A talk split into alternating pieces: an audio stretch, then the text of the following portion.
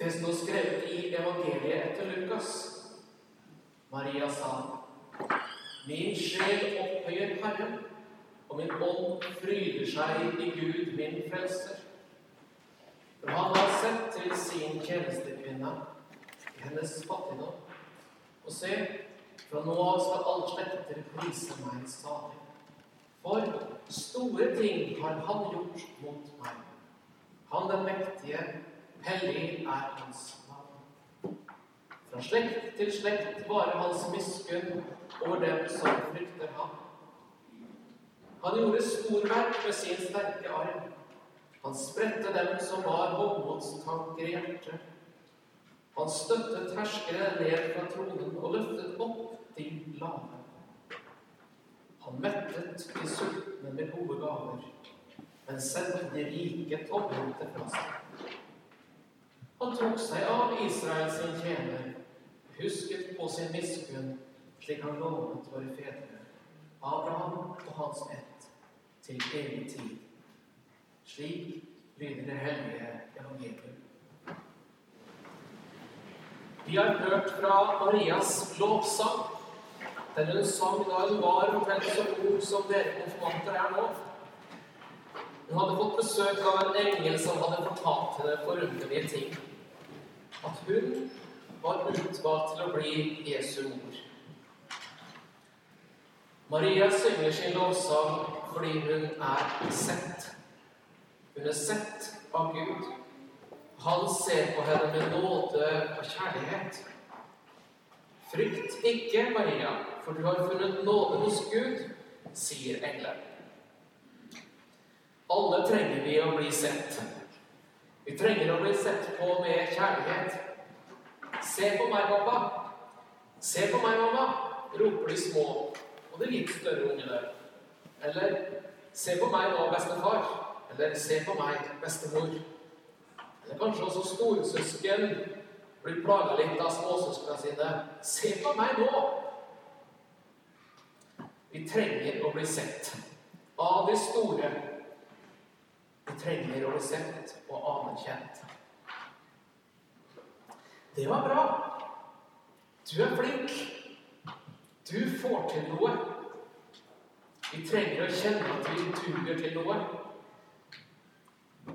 Og enda viktigere enn det er det å kjenne at 'jeg er bra'. Det er et sug i oss etter å få bekrefta dette. Er jeg bra? Slik jeg er. Vi sammenligner oss gjerne med andre. Hvordan ser jeg ut?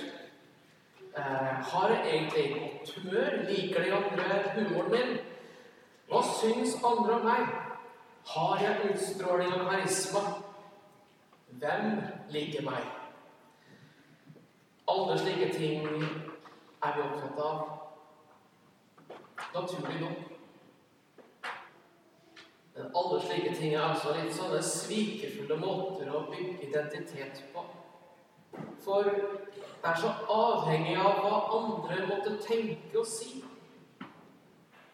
Hvem er det jeg har rundt meg? Hvilke er det som sier at de er mine kamerater? Hva sier de?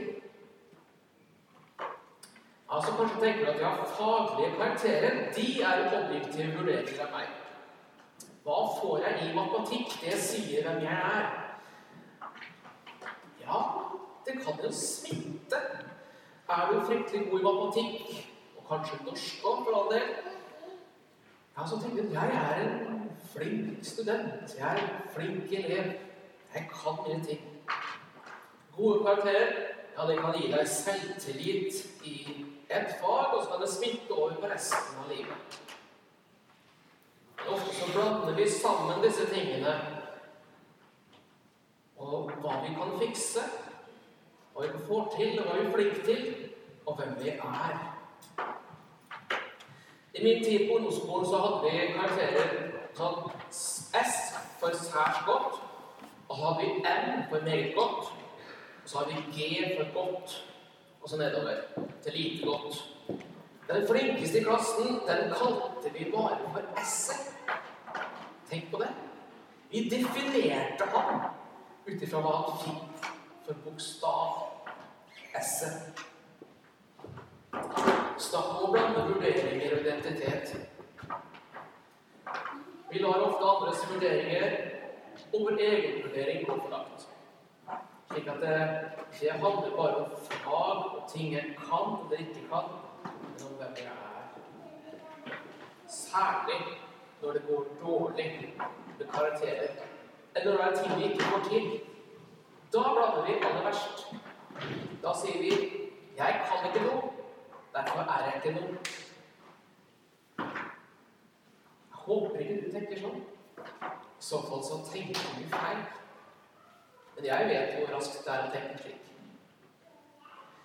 Vi har på nesten hver eneste gudstjeneste Ja, på nesten hver eneste gudstjeneste vi har, så går vi i en sånn evangelieprosesjon, sånn som dere så meg, Barakel og Bernt gjorde nå.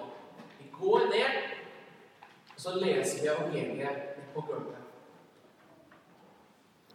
For å minne hverandre på at Gud og Hans kjærlighet kommer til oss. I dag gikk vi ekstra langt ned for å gjøre det enda tydeligere.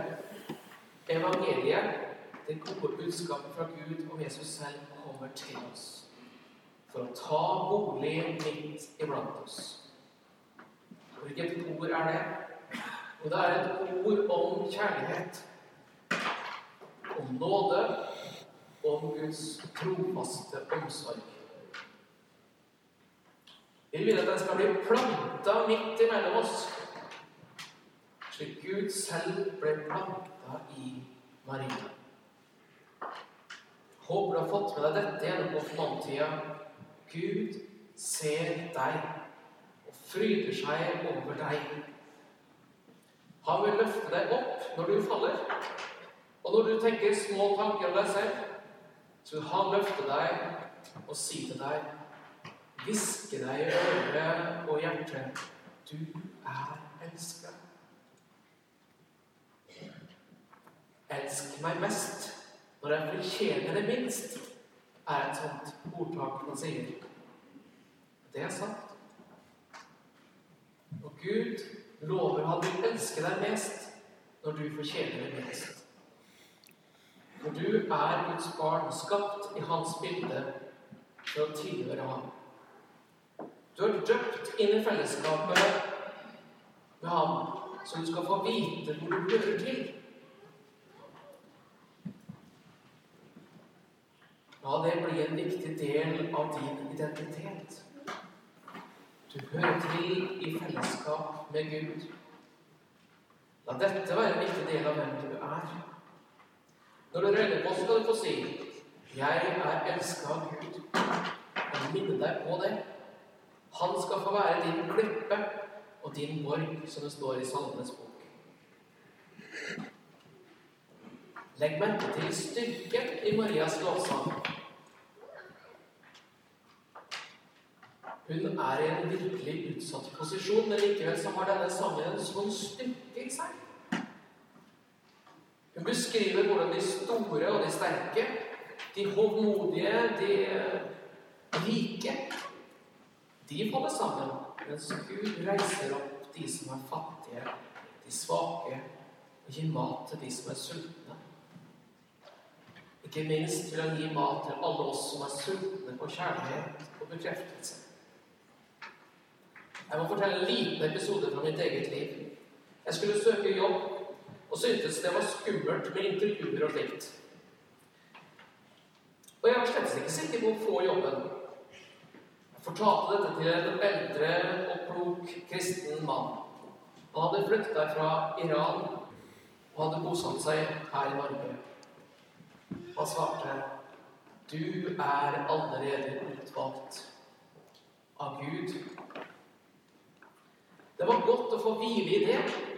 Og så kunne jeg gå til jobbintervju med både litt sånn indre ro.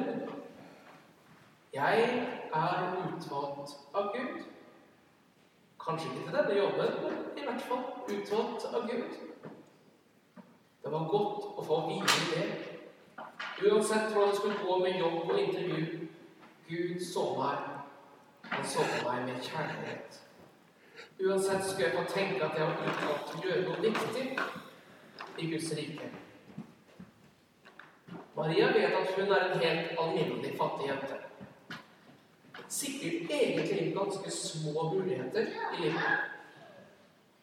Hun kjenner sin historie. Det er viktig å kjenne. Kjenne sin historie. Og hun gjorde det. Og hun huska på hva Gud hadde gjort av gode ting i sin opp gjennom historien. Nå får hun en plass i den. En utrolig viktig plass. Det handler ikke om hva hun kunne, eller hva hun skulle gjøre. Men det handler om hva Gud kunne, og hva Gud kunne gjøre. Du er sett av Gud i dag. Og han fryder seg over dere som er konfirmanter her. Han bekrefter i dag at du har en plass i hans historie. Hva det skal bli i ditt liv, er ennå ikke avslørt. Men han vil være med deg og velsigne alle dine dager. Og om du er villig til å legge ditt liv i hans hender, ja, da kan det skje ganske fantastiske ting. Lykke til. Ære være Faderen og Sønnen og Den hellige ånd, som var, er og være skal fra nå og til evig tid. En sann Gud. Amen.